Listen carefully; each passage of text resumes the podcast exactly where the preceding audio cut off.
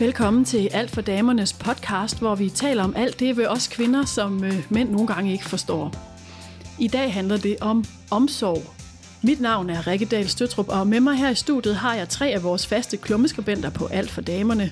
Skribent og iværksætter Frederikke Let, journalist og historiker i Ørum, og så vores ene hane i kurven, tv-vært og forfatter, og ham, der nogle gange undrer sig over kvinder, Michael Robach. Velkommen. Tak. Dejligt at se jer. Hej, det godt? Meget. Mm. Jeg har taget sådan lidt morgenbrød med til jer, fordi jeg tænkte, nu skal det handle om, om omsorg i dag. Jeg er bare bange for at komme til at smaske. Ja, det må du godt. Alright. Sådan her er vi så rummelige. Mm. Michael Robach, vi er her, fordi at du har skrevet en klumme, der handler om, øh, at du har opdaget, at kvinder faktisk trænger til omsorg. Kan du prøve at sætte ord på, hvad du var, du har, op, du har undret dig Ja, over? i klummen har jeg sådan beskrevet det ret konkret, og jeg, jeg tænker faktisk også, at jeg mener det ret konkret. Altså, øh, udgangspunktet er egentlig øh, min færden rundt i trafikken, hvor jeg har lagt mærke til, hvis man opfører sig pænt i trafikken, og for eksempel holder tilbage for nogen, eller lader nogen, lader nogen slippe ud af en sidevej, eller øh, stopper ved et øh, fodgængeroverfelt for at holde tilbage, så hvis det stopper for en mand, så nikker han sådan lidt, nå tak, agtigt. Men hvis du gør det for en kvinde, så, bliver, så ser hun helt overrasket ud. og man, man kan nærmest sådan se uh, talebobben ovenover hovedet på den her kvinde, der er sådan lidt, what? Øh, Gud, gør du det for mig? Og jeg tænker også, altså i hvert fald sådan ude i det offentlige rum, så tænker jeg også, hvis du siger til en anden kvinde, der er på vej ind i en opgang med en, øh, med en barnevogn, siger, skal jeg lige give dig en hånd, så har, er det min oplevelse, at, man, at, at kvinder bliver altså ikke vant til en eller anden form for omsorg, øh, og bliver meget overrasket, hvis man gør det. Så det er det, der sådan er min, min umiddelbare observation. Og så tænker jeg faktisk også selvfølgelig, at, øh, at det også er inde i parforholdet, at hvor jeg tænker, øh, og det, det bygger jeg sådan set bare på, hvad jeg hører, og hvad jeg, hvad jeg ser rundt omkring, øh, både blandt mine venner og mine øh, de kvindelige venner, at jeg tror også, der er masser af kvinder, der mangler omsorg inde i deres parforhold. Så klummen var egentlig et opråb til mænd om, at øh, man kunne score nogle øh, ret nemme og billige point øh, ved at give de her kvinder noget omsorg. Hvad siger I til det, damer? Mangler kvinder omsorg? Jeg synes faktisk, jeg personligt oplever meget omsorg i det offentlige rum. Altså, øh, men måske er det også, fordi jeg synes, at jeg fortjener det, og sådan øh, appellerer til det på en eller anden måde. Jeg kan godt se meget martyragtig ud, når jeg kommer med min barnevogn, eller med mine øh, indkøbstasker og sådan noget, og så har jeg egentlig ofte oplevet, at mænd de spørger, kan jeg hjælpe, kan jeg bære? Ja. Eller, og hvis de ikke gør det, så kan jeg finde på helt martyragtigt at sige, åh, det er også så typisk dansk, at man ikke hjælper hinanden. og så er der ligesom nogen, der, der, der træder til. Øh, så ja, jeg, jeg, jeg synes egentlig, jeg oplever det, men jeg kan godt genkende det der med overraskelsen i, når der er nogen, der også bare sådan spørger til en, eller er venlige for en, eller rejser sig op for en. Det kan jeg godt genkende. Hvad med dig? Ja, har du oplevet omsorg i det offentlige rum for nylig? Jamen, nu har jeg lige været lidt stille for lige at høre, hvad det egentlig er, det drejer sig om. Fordi da jeg læste klummen, så, øhm, så kunne jeg ikke rigtig genkende det. At jeg, jeg føler mig sådan overrasket, når jeg får omsorg. Men måske er det, fordi jeg ikke helt ved, hvad der menes med omsorg, så jeg slog ordet op. Research. Øhm, historikeren Knæstørt. Ja. Og det betyder sådan noget som at passe på, eller understøtte. Øhm, øhm, og jeg ved ikke rigtigt, om jeg ikke føler mig passet på, eller ikke føler mig understøttet. Øhm, så, så kommer du med nogle eksempler i klummen, øhm, hvor synes jeg, så bliver det endnu mere konkret, end når vi er nede i trafikken. Altså, jeg tror at der er mange mænd, der godt kunne tænke sig lidt mere plads i trafikken, især hvis man bor i Københavnsområdet. Øhm, men så står der sådan noget med, øhm, vi taler en borddame i knæ, uden at tige stille et eneste spørgsmål til hendes liv og levnet. Og det kender jeg godt. Mm. Men jeg ved ikke, om det kun er kvinder, der mangler det. Og jeg tænker, det er en nysgerrighed. Så hvis vi måske kunne tale lidt om, hvad det mere sådan er for en omsorg, som vi så bør give hinanden. Mm. Men jeg har jo revet lidt ned af hylderne, for man kunne også kalde det, altså meget af det, jeg snakker om, er jo sådan en almindelig god opførsel. Altså, der er også nogen, der har læst, der har sagt til mig, Nå, men er det ikke bare det at være en lille smule mere gentleman-agtig? Og i Danmark, der er det der gentleman, mm. det er nærmest sådan lidt pinligt, hvis nogen ligesom er gentleman-agtig, og man lægger jo mærke til det, hvis nogen er det. Altså, så det er jo så sjældent for os. Så jeg, hvis du er forvirret, er det, er det fint nok, ja, men det, er, det kan jeg sådan set godt forstå. Øh, det er sådan omsorg i bredeste forstand, tænker jeg, fordi øh, ja, det er også nysgerrighed. Altså, det er jo, altså, ja, vi kan også bare sige, det er at opføre sig, ja, venlighed at opføre sig ordentligt. Altså, øh, I hvert fald i det offentlige rum, ikke? Fordi igen det der med, med, når jeg er i Tyskland og meget i Berlin, den der, der er det, folk de er så venlige, og hvis, når jeg rejser i Frankrig, så er det så uhøfligt, hvis du nogensinde går ind i en forretning og siger, ikke hilser.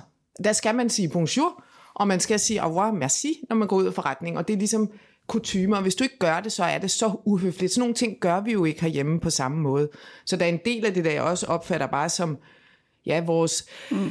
fladpandede danske holdning til bare at jogge lidt rundt i vores egen joggingsko og sådan noget. Altså som, og uden at orientere os ligesom om, er der andre mennesker i rummet, og hvad kan vi gøre for dem? Og der kan jeg være helt med, altså på den der manglende høflighed, mm. venlighed, imødekommenhed, mm. lidt nysgerrighed, mm. lidt venlig, høflig nysgerrighed. Øhm, jeg har rejst en del i USA, og der, øh, der, der synes jeg, jeg møder en anden imødekommenhed. Det kan så være rigtig svært at holde fast i den imødekommenhed og knytte et venskab. I Danmark siger man, at det kan være svært at komme af med en god ven. Øh, der kan man sige, der har vi nogle andre bånd, øhm, og en anden måde at knytte bånd på. Øhm, ja, så kan mm. vi måske tale om høflighed i stedet for omsorg. Ja, men jeg tænker faktisk, ja, det kan vi godt, altså fordi det er også det, det handler om, mm. men jeg tænker, når det sådan bliver inde i parforholdet, så vil ja. jeg sige, så handler det ikke om høflighed, så handler det mm. faktisk mm. om omsorg. Så Og hvad er det så for ja. en omsorg, som kvinder mangler i parforhold? Det kan jeg meget godt sige Helt noget generelt. om. Helt generelt. Helt generelt. Jeg tror jo, at der er mange af os kvinder, som er meget drevet af at give omsorg. Og der er jo en grund til, at man ofte taler om martyrkvinden. Jeg er et glimrende eksempel på en ægte martyrkvinde. Fordi da jeg kom ind i den her bonusfamilie, som jeg er i, jeg har en mand, Bo, som er 19 år ældre end jeg er, og som jeg elsker utrolig højt, og han er poet og forfatter. Og så har jeg to bonusdøtre, Laura på i dag 26, hun var 17 dengang, og Rose på 14. Og så har vi sammen fået Ava, som i dag er fem år. Og Rose, hun var fem år, da jeg kom ind. Men da jeg kommer ind i den her familie, så er der jo ligesom manglet en kvinde. Så jeg går lynhurtigt ind og ser alles behov og alt, hvad der mangler. Og jeg elsker, jeg kommer selv ud af en stor familie, og jeg elsker familien, og jeg elsker at give alt den her omsorg. Og jeg proppede og proppede og proppede ind i familien, og Bo drømte om at skrive en digtsamling, jamen så skulle jeg nok tage pigerne med op til sommerhuset, og så han kunne få noget ro og så videre, så videre, så videre. Og på en eller anden måde, og jeg har meget overskud i mig, og jeg føler altid, at jeg har haft meget at give, og meget omsorg. Men på en eller anden måde, så blev selv mine kilder jo også udslugt en eller anden dag. Og der røg jeg direkte over i den der øh, martyrrolle. Og jeg kan give et meget konkret eksempel, som var, da pigerne var små, eller Rose var lille, og så havde holdt, skulle vi holde fødselsdag, og vi var alle sammen draget i Tivoli. Og så går vi så rundt der i Tivoli og sådan noget, og så siger jeg, den omsorgsfulde person jeg er, at nu går jeg hjem før alle andre med vores lille nyfødte datter der under armen, og jeg køber ind, og jeg laver mad, og jeg laver et kæmpe måltid, og beder dem om at være hjemme på et eller andet bestemt tidspunkt og sådan noget. De kommer selvfølgelig en halv time for sent. Og jeg havde selv en mor, hun kunne være martyragtig med at sige, hvorfor stod I her ikke præcis klokken 6? Men jeg kunne godt se nu, hvor de der ting kommer fra. For her har man offret sig og gået hjem og lavet måltid, og så kommer de så alle sammen ind ad døren, øh, en halv time forsinket, og har alle sammen fået nye solbriller. og, og de har købt nogle til dig. Nej! Den eneste, og jeg mener, se, jeg kan næsten begynde at græde lige nu, ikke? fordi jeg mener det virkelig, at det var bare den der følelse af, at jeg altid kiggede om efter sidste led i rækken. Mm. Altså, og hvor behovet ligesom var. Men hvor var der nogen, der kiggede efter mig som det sidste led i rækken? Og, sådan, og der er mænd og kvinder forskellige, og jeg er gift med en forfatter, og jeg ved ikke, om det også er lidt forfattergærning, at man sidder op på sit kontor og skriver sine ting, og, og han elsker mig, det er slet ikke noget med, med det. Prøv, men jeg, lige sige noget, 9 ja. ud af 10 mænd ville ikke have købt de der solbriller. Mm. Nej! Så, så Bo er ikke specielt skyldig. Nej, nej, men jeg ved det godt, men det Eller var bare... 99 ud af 100 måske.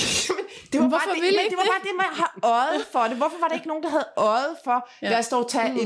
et... Når hun nu har øje for vores mm. behov, som vi jo er glade for, hun har, hvorfor er der så ikke en, der tager det par solbriller ja. med hjem til mig? Hvorfor, Robert? Hvorfor vil mænd ikke huske på det? Det betyder så meget. Fordi mænd tænker ikke på den måde, tænker jeg faktisk. Altså nu har jeg lige lidt, jeg har lige lidt svært ved lige at sige, hvorfor det er, at vi ikke gør det, men jeg tror en del af, af, af den her problemstilling med omsorg ind i parforholdet er, fordi det kender jeg også rigtig godt for mig selv, det er det her med, og nu generaliserer vi jo, det er, at kvinder laver billeder af situationer, hvordan de skal være. Når man skal på ferie, så har kvinder et billede af, hvordan den ferie skal se ud, eller hvis man skal ud og spise, eller man skal et eller andet. Og det gør mænd i mindre grad, tror jeg. Så det bliver også tit kvinder, der i parforhold bliver produktionsledere det er dem, der kommer til at stå for alt det praktiske, fordi mænd er egentlig ligeglade, om de skal til Tyrkiet eller til Italien, bare det er hyggeligt, og der er noget god sex på den ferie. Totalt fortegnet. Men derfor så tror jeg, mange kvinder, ma- mange kvinder bliver produktionsledere i, øh, i parforholdet, Øh, og jo længere tid man er sammen, så overtager øh, kvinder mange af de der faktisk praktiske opgaver med lige at tage hjem i forvejen for at lave middagen, så den står klar og la la la.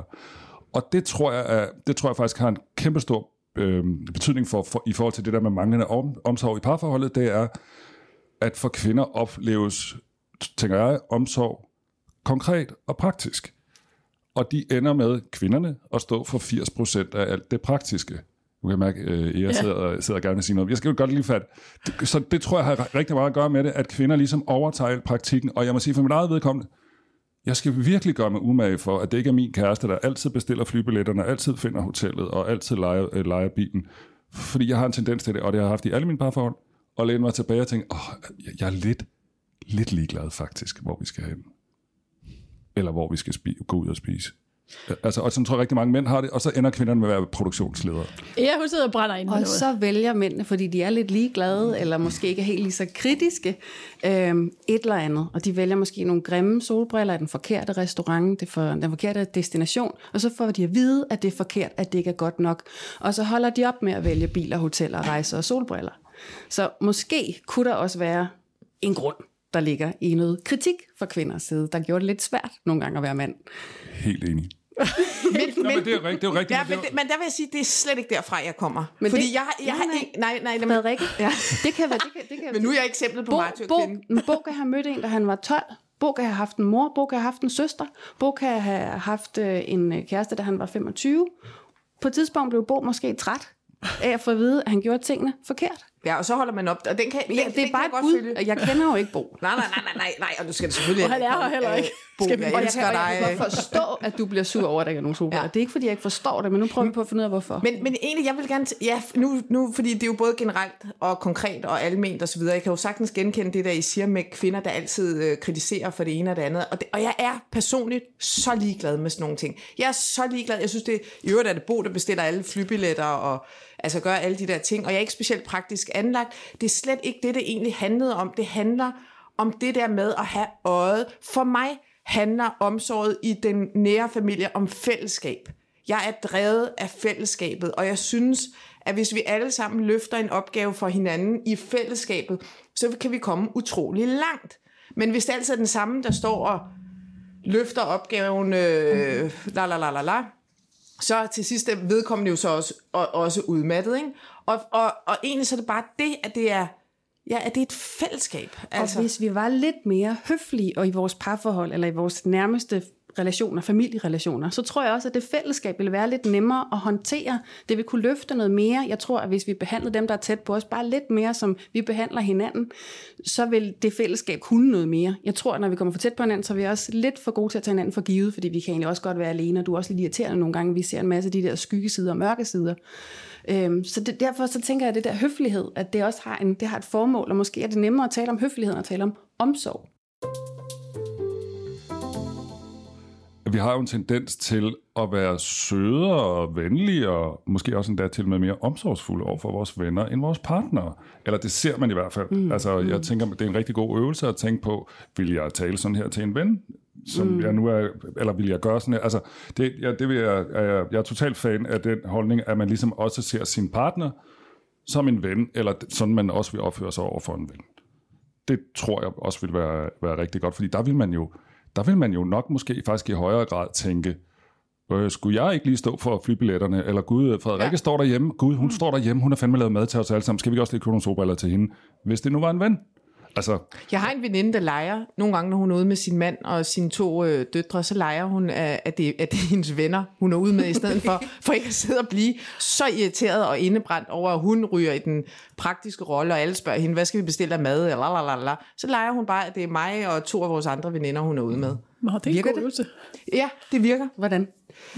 Øh, jeg tror, hun giver slip. Altså slip på irritationen, slip på følelsen af, at her er jeg moderen, der ligesom skal ordne alle de her ting. Altså slip på ansvaret. Fordi der er jo også noget i den der ansvarsrolle, som kan være anstrengende på den måde. Den har man jo ikke på samme måde, når det gælder ens venner. Men hvordan kan det være i det hele taget, at man skal lave sådan et rollespil for at give slip? For mænd har jo ingen problemer med at give slip. Mænd kan jo sidde på en restaurant i fuld kaos, øh, og overhovedet ikke føle ansvaret for, at det er ham, der skal sørge for, at at nu Gud, og hun kan ikke tåle nød, og, og øh, han skal have noget andet. Ja, eller- jamen, det er rigtigt. Altså, det, det, jeg tror, sådan en del af den her samtale handler også om, at kvinders evne til ligesom at give slip, og sige, Nå, fuck det, nu er vi her, jeg gider ikke at tage ansvar. Altså, det, det tænker jeg også er en del af det, fordi når man tager ansvar, så, så bliver man også nemmere martyr.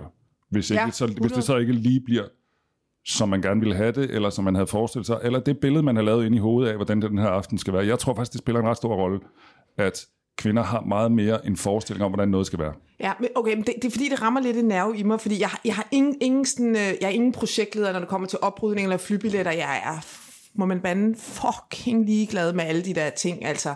Og jeg vil helst have holdt en stor fest i mit liv hele tilværelsen. Men når det kommer til at få en bonusfamilie til at fungere, så skal man altså yde nogle kræfter. Og det vil sige, da jeg kom ind i den her familie, så handlede det jo også om, øh, at lære de her børn at kende. Og det handlede jo også om at sætte sig ned og spille Trivial Pursuit, øh, selvom man ikke gad at sidde og spille Trivial Pursuit en øh, fredag aften, for ligesom at bidrage med noget til fællesskabet. Men hvis du så til sidst, altså, og så til sidst, så er jeg blevet en eller anden martyr, og vi snakker helt åbent om det i den her familie, jeg er blevet sådan en martyrrolle og figur og alt det der. Fordi når jeg så siger, kan vi ikke alle sammen lave et kagehus, som det var her sidste jul, så siger alle til mig, åh, oh, altså kan du ikke droppe den der projektlederrolle? Jeg vil bare sidde, hvorfor må vi ikke bare gøre, hvad vi vil? Jeg vil sidde og læse en bog, og jeg vil dit, og jeg vil dat. Og så har jeg det sådan, jo, men for fanden, venner. Grunden til, at vi overhovedet er blevet den her faktisk relativt vellykkede familie, det var jo fordi, at jeg kom ind med min drøm om fællesskabet og gav utrolig meget til det. Og nu står jeg her 10 år efter, og nu har jeg en lille femårig datter, og det kunne være godt, hvis vi alle sammen byggede det her kagehus, og nu sidder I alle sammen og siger, slap nu af og drop ansvaret, og, de, og altså de der ting, Hvad ville der siger. ske, hvis du gjorde det? Jamen, så, de ville gå ind og læse og så videre, men jeg mener bare det her med, at det kan jo ikke være sådan, at mit martyr stammer fra den her fællesskabsfølelse, altså, og, og jeg drømte ikke om at skabe en familie, der hed far, mor og børn, men jeg drømte bare om det her fællesskab, hvor alle kommer til ord og så videre. Men jeg gider jo ikke stå og være den eneste, der laver. Så kan I ryge og rejse hele muligheden. Altså, altså så det, Men det er jo dig, du føler jo ansvaret. Ja, præcis. Ja. Jeg, jeg, føl, jeg føler ansvaret for den her, men jeg gider jo ikke stå med det alene. Nej. Men hvis jeg nu ikke havde sat mig ned og spillet Trivial Pursuit, og lyttet på Laura og lært hende rigtigt at kende, og lyttet på Rose og så videre, skulle vi så bare være sådan en masse fremmede mennesker, der levede under det samme tag? Altså, jeg synes jo, det var vigtigt. Men på det der med at være en bonusfamilie, det er jo simpelthen vejen til at blive martyr, ikke også? Altså, det er den sikre vej til at blive martyr overhovedet. I succeeded. Godt, præcis. Men må jeg bare lige spørge, nu er det ikke fordi, det skal handle om dig og din mand. Jo. Sådan, jo, jo nå, fint nok. Det var egentlig bare for at sige, ja. det var bare af hensyn til dig. Så lad os lad det Ja, handle. Men hvorfor fanden er det ikke hans ansvar? Altså, det er da ham, der er kommet med børnene. Det er da dig, der er... Det er, der, det er Det er, også, jamen, det er også hans ansvar, men jeg tror, at min drøm om fællesskabet er større end hans. Altså, jeg tror, det er det, det også handler om. Fordi jeg, og så tror jeg måske, der er noget i manderollen med, at man giver lidt slip. Øh, netop som du siger, så er jeg kommet ind der, og jeg har lavet middag, og jeg har gået ud og svømmet med Rose, og jeg har gjort alle de der forskellige ting. Så tror jeg da også, der er noget i manden, der lidt læner sig tilbage og tænker, og det er her, den kommer. Jamen, hun nyder det jo. Lad hende dog svømme i den fucking svømmehal hver, hver fredag eftermiddag, eller hvad det er. Altså sådan, fordi det var jo det, jeg gav udtryk for. Så der er jo også en, og der kommer der noget andet vigtigt til alle bonusfamilier derude.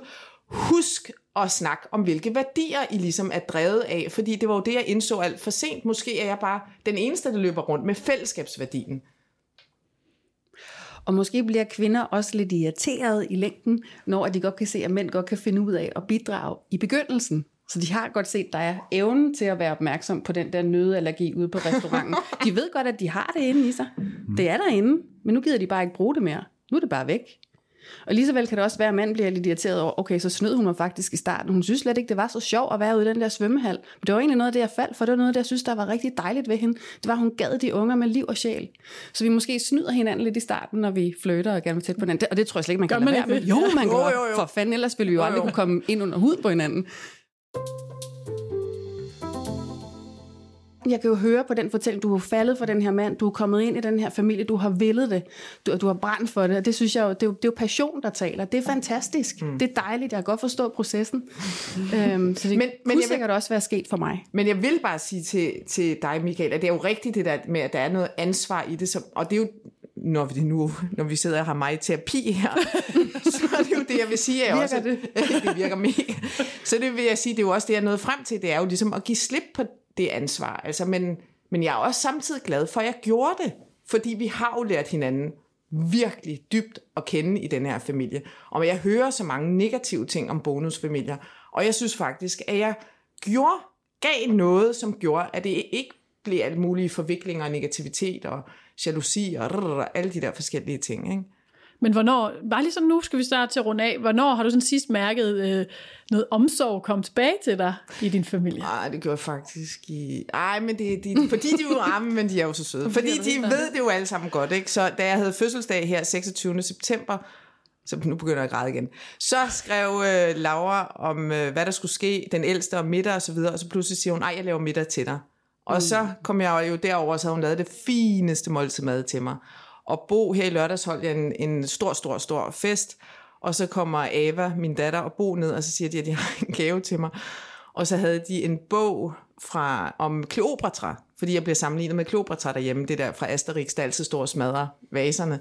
Og så havde de den der. Så jeg, jeg oplever masser af omsorg, øh, og har lige gjort det. Ikke? Nå, det er godt. Hvad med dig? Hvornår har du sådan sidst mærket noget omsorg, du måske ikke havde forventet, og som du blev glad for? Jamen, det gjorde jeg i morges, øh, da der var øh, en, der vågnede ved siden af mig og sagde, du har et travlt program, skal jeg ikke lige lave kaffe? Det er, jo, Nå. det er jo bare dejligt. Det er omsorg. Det er, Det er omsorg. Det er skønt. Ja, ja. Det, det. Robak, hvornår har du Oplevet omsorg. Nej.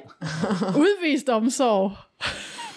Okay, nu bliver det virkelig småt, men Ja. det er bare lige det første, jeg tænkte på. Jeg var ude, hvad er det i dag? Det er um, tirsdag. Jeg var ude at spise søndag aften, og så blev enige om, hvilken restaurant vi skulle på.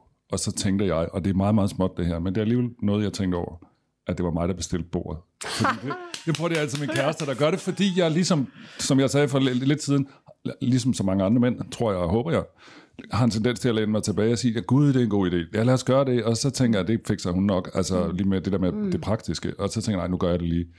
Og jeg, altså, og jeg, jeg skal absolut ikke have bifald for det, men det var en bevidst handling, fordi jeg tænkte, jeg skal, lige, jeg skal faktisk blive lidt bedre til alt det der praktik.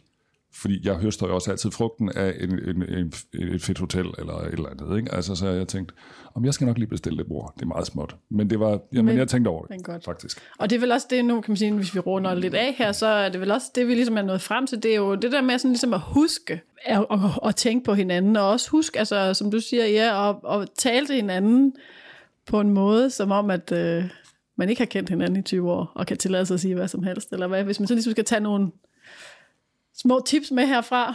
Ej, det synes jeg godt, I må tage med jer. Men jeg synes, I taler meget pænt. Generelt vil jeg gerne lige nu kan jeg vurdere det jo. Vi slutter af i en lidt anden boldgade, nemlig med at rode lidt i øh, Robaks brevkasse. Jeg har været i arkiverne og fundet et spørgsmål frem, som jeg tror, vi mange, der gerne vil høre jeres svar på. Det er Kirsten, der skriver. Kære Robak, jeg blev for fem år siden forladt af min mand gennem 25 år. Fra han sagde, at han ville holde pause til at fandt ud af, at han var brændt varm på en kollega, var jeg seks måneder i helvede. Jeg fandt lynhurtigt en mand, der ville mig, og alt burde jo så være godt. Men det er som om, jeg savner noget. For min nye kæreste bor langt væk og har travlt med arbejde og interesser, som ikke er de samme som mine. Jeg søger tryghed og glemmer at tænke over, om vi har noget til fælles. Jeg ønsker dybe samtaler, nærvær og vandreture. Men måske jeg bare altid vil føle mig ensom sammen med en mand. Spørger Kirsten. Lad mig prøve at høre jeres input på, hvordan I ser det her. Jamen, jeg tænker umiddelbart, at jeg synes, at der er mange mennesker, der begår den fejl i tilværelsen, at de tror, at ens partner skal opfylde alle ens behov. Og når jeg nu snakker om mit eget parforhold, så kan jeg faktisk huske, at jeg mødte Bo, da jeg mødte Bo, vandreture betyder også ufattelig meget for mig. Og da jeg mødte Bo, så tænkte jeg, jamen det er jo en mand, jeg ikke kommer til at vandre med. Og så tænkte jeg, fordi kvinder kan have mange billeder af, hvordan den der mand skal se ud. Og, øh, be, og så tænkte jeg, Bo, jeg kommer aldrig til at vandre med Bo. Og så var det som om, at jeg gav slip på den tanke indvendigt og tænkte, Nå, så kommer jeg til at bo, øh, vandre med mine veninder i stedet for. Så umiddelbart, så er det det, den vækker i mig, det der med, at man tror, nu skriver hun, at hun savner dybe samtaler, den synes jeg måske er lidt mere alvorlig, men, men alt det der andet kan man sådan set gå ud i sin tilværelse og få opfyldt andre steder end lige præcis hos parforholdet. Øh, så umiddelbart er det det, den vækker i mig, at man tror, at man skal have opfyldt alt i det der parforhold. Hvad tænker du? Frederikke har fuldstændig ret, men hun skriver også, at hun er rigtig utilfreds med sit forhold. Så i der, ja, man skal ikke få alle sine behov opfyldt hos sin partner, sin kæreste, sin mand, sin kone. Men hvis man er utilfreds med et forhold, og hun siger, hun, at hun er der på grund af tryghed, hun ved godt, at det, jeg læser der, jeg får lyst til at snakke med hende over et glas hvidvin eller et eller andet, ikke? så man kan forstå, hvad er det for en mand, hun har fundet. Øhm, hvad, hvad er det, hun synes, at der var spændende ved ham i starten? Hvad har hun været draget af? Og sådan noget. Det ved vi jo slet ikke. Øh, men hun siger i hvert fald, at hun er der af de forkerte årsager. Hun er der på grund af tryghed, og hun savner en hel masse ting. Og det, det vil jeg mene, at hun skriver, at hun, at hun er i tvivl, uden rigtig at skrive, at hun egentlig er i tvivl, fordi hun er der af de forkerte årsager. Ja, så, øhm, så jeg det er vel ikke noget godt tegn, at man jeg føler tænker, sig ensom. Jeg tænker, hun har skrevet for at få en vej ud. Ikke? En billet ud. Nogen, der skal sige, luk døren. Jeg, jeg, jeg, jeg, jeg, jeg, jeg har svaret, jeg, jeg tror, jeg har faktisk har svaret øh, både, både det, altså dele af det, I begge to siger. Jeg er fuldstændig enig i det der med, at det er en illusion, at man kan få det hele i et parforhold, og man bliver faktisk frisat i det øjeblik, man finder ud af, at det skal man heller ikke have. Det, det er rigtig godt. Og, øh, og så synes jeg også, der er en anden point. Hun har været gift i 25 år, og nu har hun været 6 måneder senere fundet en mand. Altså, den første, man møder, er sjældent den, den, den, den, den rigtige. Altså, der er tit en eller anden trædesten, man skal hen over. Hvor uh, romantisk En rebound guy. Ja, altså det tænker jeg, der er tit noget, man skal... Altså, jeg, det er sjældent, jeg ved godt, at, det, at ofte folk løber ud og finder en eller anden, og så tror de, det skal være den store kærlighed, men jeg synes ofte, det viser sig, at det er det ikke. Altså, så der er også en eller anden form for tålmodighed. Og jeg bliver en lille smule trist over den sidste sætning, det der med at være ensom i sit parforhold. Nej, det skal man fandme ikke være. Mm. Altså, det skal man ikke være. Man kan ligesom Frederik sige, ligesom finde øh, alle mulige ting hos alle mulige andre mennesker, men man skal i hvert fald ikke være ensom. Så jeg, så jeg tænker også, øh, som Ea siger, om hun måske bare har be- haft behov for, at da hun skrev til mig, at jeg netop skulle give en lille puff i ryggen og sige hov videre, fordi det... Det, det er kærlig puff. Ja, det er, sgu, det er ikke godt nok, vel? Man kan ikke føle sig ensom i perioder i et ellers godt parforhold, eller hvordan? Jo, men hun beskriver det jo ikke som et ellers godt parforhold. Hun beskriver det som et parforhold, hvor hun savner alt det, som hun... dybe samtaler. Ja, dybe, ja. dybe samtaler, lige præcis. Ja. ja. Nærvær. Ja. Så jeg tænker, det her er ikke det rigtige for Kirsten. Hun må videre. Jeg, jeg tror, at Kirsten vil være glad af et bedre sted.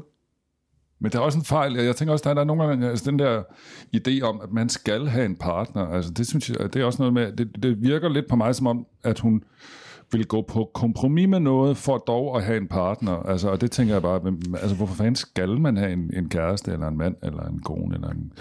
Det synes jeg... Det, det er da meget dejligt at have en partner, er det ikke? Jo, altså for kvinder kan det nærmest blive sådan en psykose at få øh, at finde den der mand, som skal understøtte alle de der behov. Øhm, og jeg kunne forestille mig, efter øh, mange års ægteskaber, man virkelig har øh, behov for at, at finde ud af, hvad der gik galt i det forhold, og du har fuldstændig ret, det tager nok mere end end et par måneder. Øhm, det jo, det er da dejligt at have en, at have en der er rigtig tæt på. Øhm, men det kan også være rigtig sundt ikke at have det i i en, i, i, i en tid, og så prøve på at, øh, at indstille sig på livets omskiftelighed. At det, jeg gør lige nu, det er ikke endegyldigt. Sådan her, som det er lige nu, er det ikke i morgen. Jeg tror, det er noget af det, som nogle kvinder, det er det der, de der billeder, de har, sådan her skal fremtiden være, og øh, så skal vi være så tætte, og ellers så bliver jeg gammel alene. Det er sådan en, der opstår sådan en, en angst, som er lang tid ude i fremtiden, som ikke er her nu, Kirsten kan måske godt være alene lige nu, men det er vidstheden eller ideen om, så er jeg også alene om to år, så, så, så jeg bliver spist af katte. Altså, jeg, jeg dør alene. Det bliver øhm, øhm, kan du følge mig, Frederik? Ja, jeg, jeg kan sagtens følge så, Så, så, så jeg tror, man, altså den der, den der chill pill, som min lille søster nogle gange har snakket om, øhm, så det er bare lige nu. Mm. Ikke? Det er nu. Ja. Brug på. Giver det mening? Ja, ja det giver meget mening. Men, men jeg hæftede mig meget ved ordet ensomhed, ja. fordi øh, det er jo så sørgeligt at, at være ensom i et parforhold, eller, men hvor starter den ensomhed henne? Fordi nogle gange er det jo også, fordi man ikke selv lukker op for nogle sider. Så der kunne jo også være nogle sider, der måske var mindre ensomme, hvis det var, hun lukkede op for det, og blev mødt i det, hun så øh, åbner op for. Men, men, men det med ensomheden, og så det med den dybe samtale, fordi det, at man lukker op, fordrer også en dyb samtale, så hvis den ikke er der, jamen, så kan man føle sig fuldstændig ensom, øh, eller endnu mere ensom bagefter. Så ja, men jeg vil også tro, at jeg lander lidt ligesom øh, jeg to, at øh, det er nok bare en lille stepping stone øh, videre i Kirstens liv. Ja, Kirsten, nu skal tage en chill pill, og så skal hun finde ud af at have det godt med sig selv først. Ja. Ja. Ja, det er godt. Tak for nu. Mit navn er Rikke Dahl Støtrup. Sissel K. Nørgaard stod for teknikken. Tak fordi I lyttede med, og husk lige at gå ind og anmelde os ind i iTunes. Og følg med på alt.dk, på Facebook, på Instagram, og så skal I selvfølgelig huske at købe alt for damerne på torsdag.